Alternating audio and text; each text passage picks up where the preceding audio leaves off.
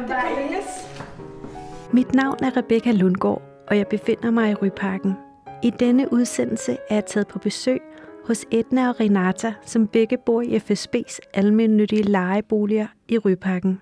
Edna og Renata, som er naboer, vil hver især delagtiggøre mig i deres oplevelse af naboskab. I denne udsendelse kommer du til at høre om induktionskomfurer, kibbutz, familiekollegier i det tidligere Sovjet, karma, nabohjælp og en overraskende tjeneste, man kan gøre for sin nabo.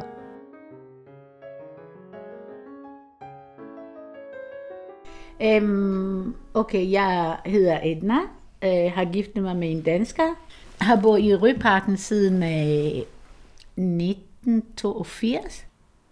Jeg vil lige fortælle dig, at jeg har vokset op i kibbutz, og de fleste af danskere ved godt, hvad kibbutz er. En kollektiv, hvor man bor sammen. Vi så sammen, tre i, i, i hver værelse. Vi har lært at ud af det tolerancen, og, og, og kunne klare hinanden. Øh, da jeg kom til Danmark, der vidste jeg, jeg kommer, jeg har ingen her. Ikke en stor familie. Jeg blev forelsket i min mand en måned efter jeg kom her, og en måned efter vi blev gift. Og så et år eller halvanden efter, så fik vi vores første barn. Det var meget hårdt, fordi den danske samfund var meget lukket. Folk var i klikker. De var ikke med det samme, tog imod dig, øh, øh, øh, imod folk, de ikke kendte. Altså, jeg kunne gå på gaden og, og kunne sige, at det er min nabo, der, som jeg har lige set på træet. Hej! Og det var næsten ligesom de gik, vi kender ikke hinanden vel. Altså, det var meget mærkeligt. Altså, de vil aldrig sige hej først. Jeg gav op, jeg sagde, så, så kan de lade være. Jeg siger hej, det er sådan, jeg er, og så take it or leave it. Så jeg, jeg sagde bare hej til alle sammen. En gang min veninde grinte af mig og siger, hold da op. Jeg siger aldrig hej, men du har, har nået lige herfra, og så til krydset og sige hej til fem mennesker. Jeg siger, Nå, men det er bare fordi, jeg er en anden kultur. Indvandrere mister deres stor familie, kusiner, fædre, onkler og alt muligt tanter. Det, det mister, mister de totalt. Det eneste, de har, deres mænd og deres børn. Og langsomt måske kan de finde, jeg har fundet andre israeler her, øh, en anden person har fundet andre fra Turkiet, eller hvad nu de er kommet fra. Så det gør det lidt nemmere. Men det er bare aldrig ligesom din egen familie. Så du, det er det behov til at have nogen, som du ved, Øh, hvis du er rigtig i knib, så, så vil de være der for dig. Lige pludselig det er kun din nabo, hvis du har et godt selskab, fordi hvis det er en, du kender fra et eller andet aftenskole, som bor langt væk, der er ikke nogen, der kan bare der og, og hjælpe dig.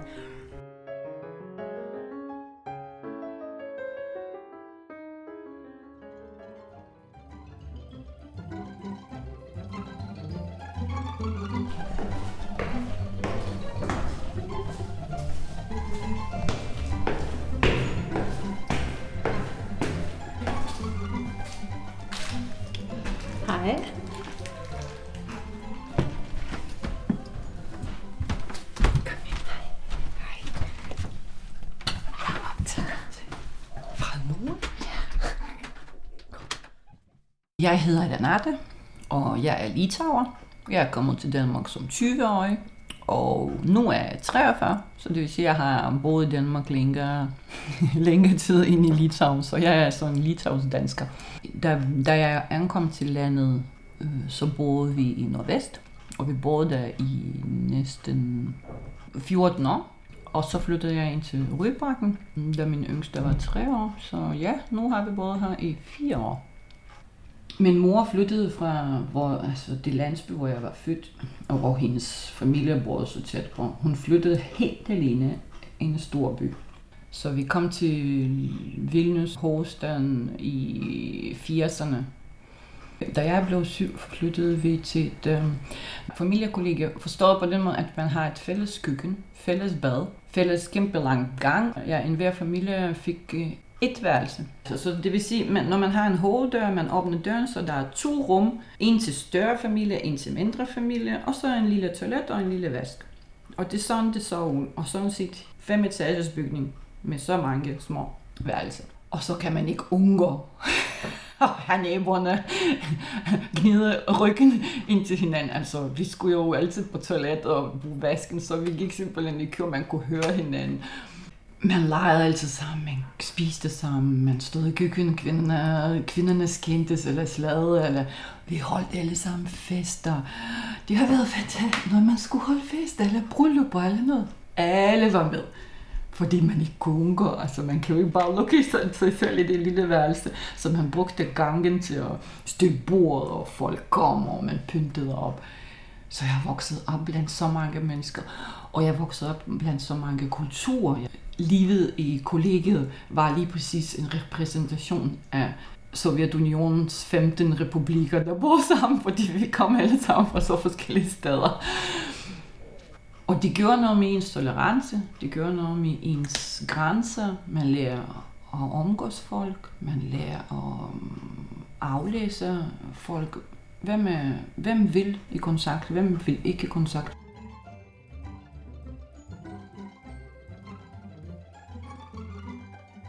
Første gang Renata møder sin nabo Edna, at Renata lige er flyttet ind i sin lejlighed med sin familie. Renata besøger sine veninder, som hjælper hende med at male lejligheden. Det er blevet sent, og Renata skal i gang med at lave mad.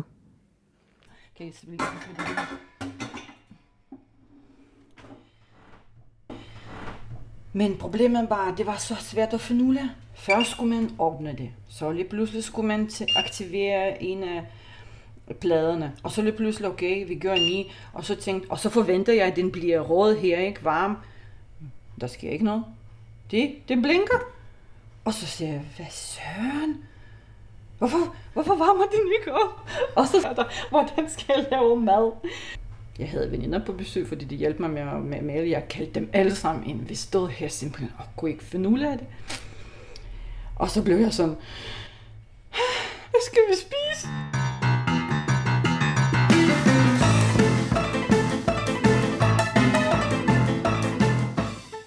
Øh, kom min nabo en dag og sagde, jeg har sådan og sådan en komfur, som jeg ikke rigtig kan vide, hvordan øh, det der, har du forstand på det? Jeg sagde, nej, men vi kan godt kigge, måske vi det sammen så finder ud af det.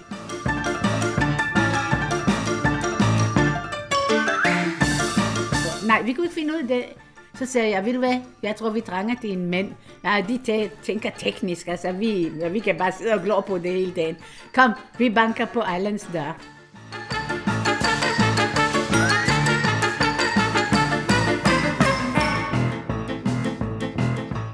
Og så kom, kom en af dem, han har to drenge der, så kom en af dem ned.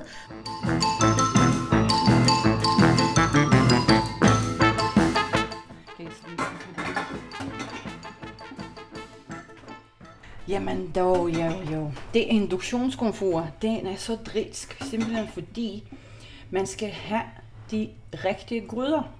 Og det var det. Og sådan, sådan lærer man sådan på den måde, vi udvider den der øh, øh, sammenhold mellem naboer, ikke? Så let vi hinanden kende på den måde. Vi har vi hinandens telefoner. Vi mødes om aftenen bare for at hygge snakke. Hvis hendes søn kommer, og han elsker kaffe med mælk, så kommer hun ind forbi. Det, jeg vil fortælle dig nu, det virker ligesom en lille ting. Men det er, det, det er ikke lille, det, det, det er stor ting, fordi det er bare sådan noget, som, som varmer dit hjerte.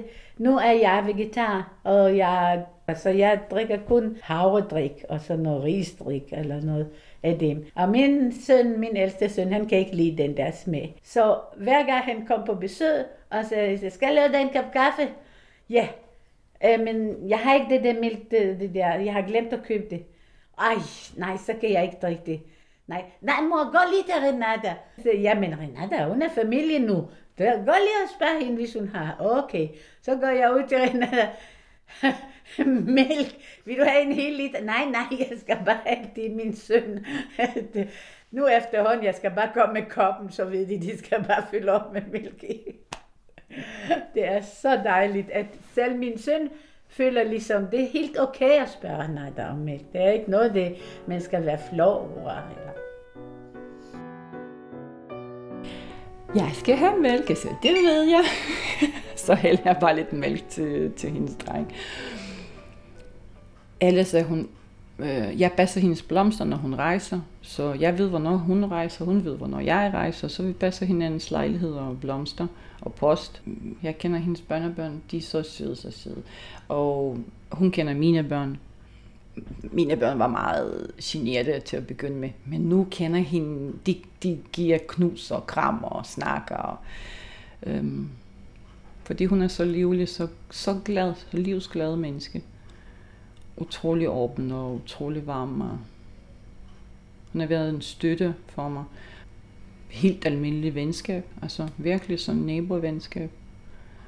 Jeg opfatter hende som min, øh, som min moster, sådan virkelig en nær familie. Og har ingen problemer med at hjælpe hende. Altså, hun vil, det vil aldrig genere mig, hvis hun beder mig om noget. Det vil aldrig genere mig for at hjælpe hende. For det er, det, det er vigtigt. Det er simpelthen vigtigt. Og især fordi hun er alene. Når jeg, jeg har købt et, et køkkenbord, meget tung, meget det, jeg kunne ikke, ikke engang vente om for at sætte ben på, da jeg lige fik det. Hvem, hvem gjorde det? Min søn fra Vandløs, Renata. Jeg har nogle gamle møbler, der skal smides ud, fordi jeg skal købe mig de, de der flotte nye sofa. Hvem skulle bære de sofa på sin bil og smide det i container, det står container går? Renata. Altså, det, det, det er bare, jeg sagde, du, du er familie, du er ikke, du er ikke min nabo. jeg synes, det er helt naturligt at have at kende sine naboer. Det er måske, vi lever sådan et isoleret liv, vi har travlt, så de tætteste mennesker på en, det er jo ens nabo. Og hvis man har det et godt forhold, så hvorfor skal man ikke dyrke den stille og roligt? Fordi det, det er det, vores børn skal lære. Hvis de flytter væk, langt væk fra mig øh, på et tidspunkt, så vil jeg meget gerne have, at de får gode naboer, de kan henvende sig til, og de kan tilbyde hjælp til. Fordi det er sådan en øh, karma. Du giver noget, så kommer det altid tilbage, og det behøver ikke at komme direkte tilbage til dig, men kommer en anden vej. Det er sådan, du ved, øhm, gode gerninger smitter. Smil smitter. Hilsen smitter. Hvorfor skal man øh, være bange for folk? Du har ikke noget æg. Du mangler et æg for at gøre kagen færdig. Bank på din nabo. Det betyder ikke, at du er fattig men som aldrig har nogen penge. Og du, det er ikke noget med din stolthed. Det skal ikke være noget med stolthed at gøre. Det er noget, du skal tænke på det, at faktisk, når du går og beder din nabo om noget, så gør du ham en stor tjeneste, fordi så du giver ham mulighed til at bede dig om noget. Det går sådan, det går. Fordi så siger jeg, nå okay, hvis Edna kan låne mig, ja, men så kan jeg lige banke på hende og, og låne hende. Og så er vi der for hinanden på, på en måde, som, som uvurderlig.